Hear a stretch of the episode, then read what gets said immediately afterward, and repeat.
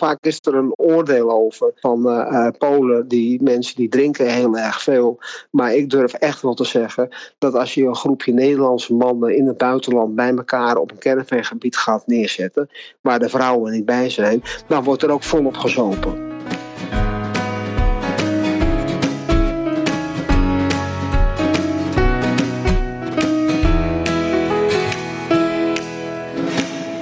Stefan, uh, fijn dat je even tijd voor ons hebt. Uh, wij hebben met relatiebeheerders en uh, andere collega's bij AB onlangs eh, hele interessante trainingen van jullie gehad van Be Responsible over alcohol en drugsvrij werken.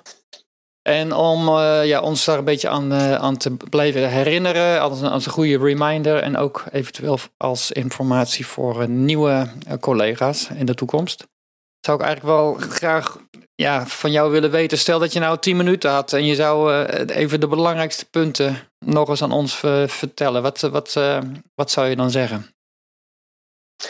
Ja, dan zou ik zeggen dat uh, alcohol- en drugsvrij werken is belangrijk. Want dan gaat het over veiligheid ook. Het gaat ook over gewoon gezellig en lekker kunnen werken. En als men onder invloed is, dan heeft dat natuurlijk nadelige gevolgen daarvoor. Ik zou ook willen zeggen van dat komt vaker voor dan dat er misschien in eerste instantie gedacht wordt. Dus mm -hmm. er zijn best wel veel mensen die toch nog in disbalans zijn of ook onder invloed werken. Dus ja, het is belangrijk om dat uh, te kunnen herkennen en te signaleren. Mm -hmm. En het dan ook zeg maar, bespreekbaar te durven maken. Als het gaat over dat herkennen, wat voor tips kun je daarover uh, over geven? Ja, nou, we hebben eigenlijk twee vormen van het kunnen herkennen. We, kunnen, we hebben het dan over acuut gebruik. Dat wil zeggen, er is nu iemand onder invloed. Mm -hmm. En uh, hoe, hoe signaleer je dat? En we hebben een andere vorm van herkennen. Dat gaat erover dat ze niet nu onder invloed zijn, mm -hmm. maar dat er zoveel wordt genuttigd in de privésituatie, dat ze daardoor ook verminderd functioneren, fouten maken mm -hmm. en ook uh, vaak verzuim hebben of te laat komen. En dus dat een noemen we disbalans en het andere is onder invloed werken als we eens gaan kijken naar het onder invloed werken, wat zijn daarvan de signalen? Ja, dat ligt er heel erg aan van wat voor middel er gebruikt is. Dus we hebben een aantal verschillende soorten middelen. Mm -hmm. We hebben bijvoorbeeld verdovende middelen. Daar valt uh, alcohol onder of daar vallen uh, opiaten onder. Dus daarvan word je traag en dan word je ontspannen. En dan ga je wat minder snel praten en sloom worden. Mm -hmm. Maar we hebben ook opwekkende middelen. Zoals bijvoorbeeld cocaïne en speed. Mm -hmm. Of we hebben hallucinerende middelen. Dat is bijvoorbeeld weer wiet, mm -hmm. uh, paddo's en tripjes. Mm -hmm. Dus het ligt er heel erg aan wat de persoon gebruikt heeft, ja. waaraan dus het gedrag verandert. Zien jullie iets van een trend wat betreft wat voor soort gebruik er past bij een bepaalde uh, bedrijfstak of bij een bepaald soort werk? Wat we het meeste zien op de werkvloer is, uh, zeker in, uh, ook in productielocaties, is THC. Dus dat is wiet en wiet. En wat we ook veel zien is amfetamine, dus speed. Dat mm-hmm. is een stimulerend middel. Ja. En uh, beide hebben zo hun eigen eigenschappen. Maar je herkent het vooral omdat de persoon eigenlijk normafwijkend gedrag vertoont. Mm-hmm. Dus ze zijn anders dan dat ze normaal zijn daarin.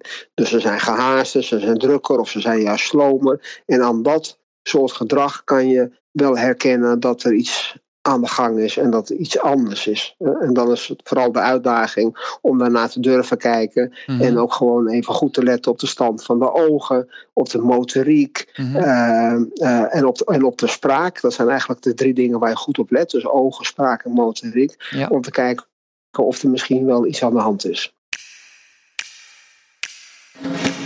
Als we kijken naar het andere, dus dat mensen gewoon in hun privé-tijd te veel nuttigen, waardoor ze zeg maar niet fit zijn, hè, waardoor ze ook verminderd functioneren, dat laat zich vooral zien in gedrag. Mm-hmm. Dus dat komt vooral tot uiting in dat ze zeg maar te laat komen, of dat ze verzuimen, of dat ze de afspraken niet nakomen, ja. vage smoesjes hebben waarom ze er niet fit uitzien, stemmingswisselingen hebben. Dus dan zitten ze niet lekker in hun vel, omdat ze gewoon ja, oververmoeid zijn of restgevolgen of een kater hebben van dat middelgebruik. Of misschien omdat ze misschien wel afhankelijk zijn geworden van dat middelgebruik. Dus dan gaat het functioneren niet meer goed zonder, mm-hmm. maar ook niet meer met. Nee. En dat herken je aan gedrag. Ja, bij ons heb je de typische maandagochtendgolf aan, uh, aan verzuimmeldingen. Uh, maar waar jij het nu over hebt, is, gaat eigenlijk verder. Het gaat eigenlijk meer over dat je over een langere termijn eigenlijk iemand ziet verslappen qua, qua werkhouding, qua, qua afspraken die mogelijk zijn om vast te houden en dergelijke.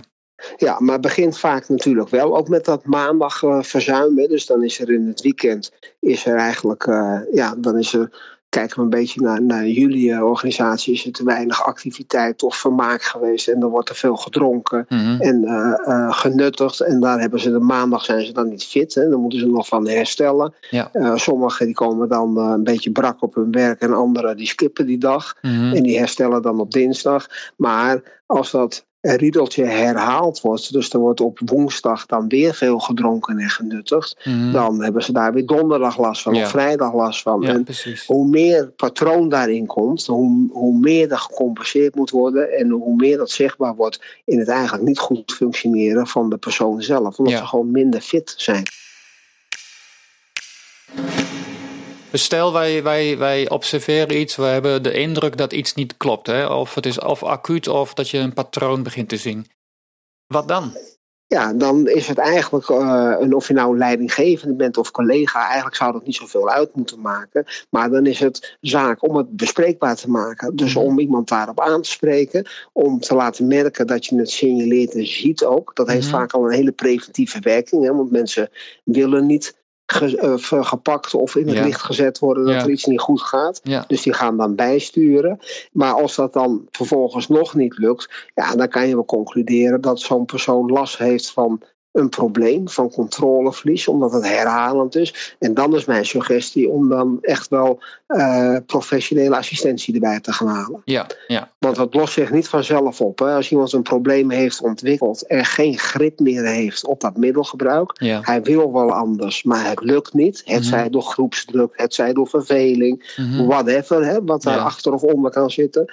Maar als diegene wel zegt en beterschap belooft, maar het lukt niet, dan is het wel zaak om daar dieper op in te zoomen en te gaan kijken, oké, van wat heb jij dan wel nodig? Ja. Kunnen we dat faciliteren? Mhm. Want als dat op een gegeven moment niet kan of niet lukt, dan gaat dat ook natuurlijk wel gevolgen hebben voor Ja. de inzet op de werkvloer. Kijk, want uiteindelijk gaat het hier over werk. Uiteindelijk, het is geen recreatiegebied. Het is ook geen GGZ-instelling hè, waar gewerkt wordt. Er moet gewoon geproduceerd worden. Daar Ja. wordt voor betaald. Daar krijgen we een salaris voor.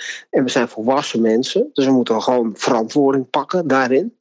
Klopt. Ja. Dat willen de meesten wel. Maar vallen natuurlijk in de verleiding van het weekend. En van Mhm. de gezelligheid. En van het man onder elkaar. En ja, precies. maar um, als we ze er niet op aanspreken of daar geen, geen grens in trekken, Mhm. dan wordt dat steeds verder verschoven met Ja. het risico dat het gewoontegedrag wordt en dat er dus echt problematiek mee ontstaat. Wat we vervolgens meenemen naar onze klanten. Maar eh, wat ook vaak meespeelt is dat een klant zegt van eh, ja, nou hij, eh, ik kan gewoon echt goed op hem, eh, ik kan op hem rekenen, hij weet alles hier en ik heb helemaal nergens last van. En dat ook een klant niet altijd begrip zal hebben als wij zeggen, nou ja, vanwege de veiligheid en de sfeer in, in een woning, ja, moeten we hier echt wat, wat mee doen. Het is wel een probleem, ook al zie je dat misschien niet op de werkvloer. Zeker, en op het werk wordt er natuurlijk vaak gecompenseerd. Hè? Dus het is niet zo dat iemand die in disbalans... Kijk, we zien zelfs bij, zelfs bij verslaafde mensen... dat ze toch ook in staat blijken om wel heel hard en ook goed werk te kunnen leveren. Ja. Soms zijn ze verslaafd aan een stimulerend middel. Mhm. En dan presteren ze misschien nog wel beter dan Ja. iemand die dat middel niet gebruikt, Ja. omdat het extra energie geeft. Ja. Tot het moment dat ze over het randje gaan en dan die negatieve gevolgen terugkrijgen. Ja. Wat ontstaat door oververmoeidheid, disbalans in het lichaam, ouder worden, de fysieke klachten, dus de fysieke weerstand neemt af. Dus Mhm. er komt meer fysieke problematiek in combinatie met psychische problematiek. Ja, en dan zie je iemand heel snel achteruit gaan en wel eigenlijk de grip kwijtraken. Ja. Maar vaak duurt dat best wel lang voordat proces daar is. Mhm. En in die tussentijd eh, wordt er natuurlijk wel geproduceerd wat een werkgever wel fijn vindt. En wat voor ons ook nog meespeelt, is dat een groot gedeelte van onze uitzendkrachten, die wonen in gezamenlijke woningen. Dus dan hebben we het ook nog over de veiligheid en het, het gevoel van veiligheid van medebewoners. Wat voor ons ook erg belangrijk is. Zeker, zeker. En de groepsdruk die daarin ontstaat. Ja. En ook het plezier hè, wat daar met elkaar beleefd moet worden. Dus Mhm. eh, ga je wel mee in, het, in de groep, ga je daar niet in mee. Dus dat, maar dat zien we ook op de werkvloer terug hoor. We zien ook als er hard gewerkt moet worden en er zit in de groep zitten er één of twee die eigenlijk de kantjes eraf lopen omdat ze gewoon de energie missen. Hè. Ze zijn nog brak van het middelengebruik of ze zijn onder invloed. Dat heeft natuurlijk invloed op de rest. Ja, zeker. zeker. Want als er eentje minder werkt, moeten de andere harder werken. En als je aan, aan, aan, aan, aan de band staat of dingen, ben je toch ook op elkaar aangewezen. Dus het doet ook iets met de sfeer. Ja. Stemmingswisselingen doen echt wat met de sfeer. Ja. En zeker als er ook van bovenaf zeg maar, uh, wordt getolereerd, dan, uh, dan is dat natuurlijk ook demotiverend voor de anderen in de groep. Die denken, oh, als het zo kan ja. en dat mag, nou ja, dan uh, maar, maar. Aan de andere kant hebben ook collega's gewoon natuurlijk een verantwoordelijkheid om hun collega daarop aan te spreken. Maar wat we zien in de praktijk, en dat is ook met leidinggevende, ja. is dat een medewerker die even niet lekker zit of niet goed functioneert, de ander eigenlijk te weten te overtuigen dat het mhm. even een fase is of dat het een omstandigheid was, maar die belooft beterschap. Ja. En we gaan daar makkelijk in mee. Ja. En als de volgende keer weer wat gebeurt, dan wordt het verhaal weer iets anders en dan gaan we er nog een keertje in mhm. mee. Maar grenzen stellen ja. is wel belangrijk in dit eh, gebeuren. Ja. En ook documenteren. Want mhm. als iemand echt een doseringsprobleem heeft, dus het is een frequente gewoonte drinken of misschien wel een verslaafde, dan ga je van incident naar incident. Dus het blijft terugkomen. Ja. Dus als je goed documenteert, dan ga je dat echt een patroon in zien. Mhm. Want zo herken je iemand die een problematisch drinker is. Ja. Die herken je aan een patroon van negatieve gevolgen. Dus een patroon van te laat komen, een patroon van smoesjes, mhm. een patroon van niet vindbaar zijn. Een patroon van je werk niet af hebben. Mhm, een mhm. patroon van het ligt aan de ander. Ja, ja, ja precies. precies. Daar herken je ze aan. Dan zijn ze echt in disbalans en dan is er meer nodig dan een gesprek. Dan is er gedragsverandering nodig. Mhm. En dan moeten we echt met zo'n persoon om tafel gaan zitten. Ja. En dan moet er bedacht worden van hoe gaan we dat verbeteren. Mijn perspectief is dat ik eh, zeker wel zie dat het probleem groter wordt. En dat, dat we het vaak niet willen zien eigenlijk. Dat je wel denkt, ja, ja, ja, er is wel iets aan de hand, maar... Dat is een proces, dat gebeurt ook bij de mens zelf. hè? Mhm. Dus we zien heel vaak dat wij wel zien dat er bij iemand een probleem is. Maar dat de persoon zelf denkt van, nou, dat valt wel mee. Of ik zit in een bepaalde fase of het ligt aan omstandigheden. Ja. Dus de mens heeft zelf een gebrek aan kennis. Dat het echt wel wat meer is dan een uh, omstandigheid. En dat, dat, dus dat er echt een probleem is. Dat Mhm. noemen ze ontkenning. Ja. Maar organisaties, bedrijven, leidinggevenden, die doen eigenlijk hetzelfde. Hè? Die steken Ja. een beetje de kop in het zand. Mhm. Van uh, kijk, als we het niet zien en het is er niet en er moet gewoon geproduceerd worden, dus dan valt het wel mee. Ja. Maar het moment dat je dus daar wel op gaat inzoomen en het herkent en signaleert, Ja. dan zie je dat het eigenlijk best wel veel voorkomt Ja. En uh, wijdverbreid zit. En zeker als je dus de kwetsbare situatie hebt dat je uh, als groepjes Mhm. in vakantiehuisjes en dingen bij elkaar zit, waarbij er weinig sociale activiteit is, Ja, veel zeker. met elkaar uh, zit, dan wordt er veel gedronken. En vaak is er een oordeel over Mhm. naar van Polen, die mensen die drinken heel erg veel.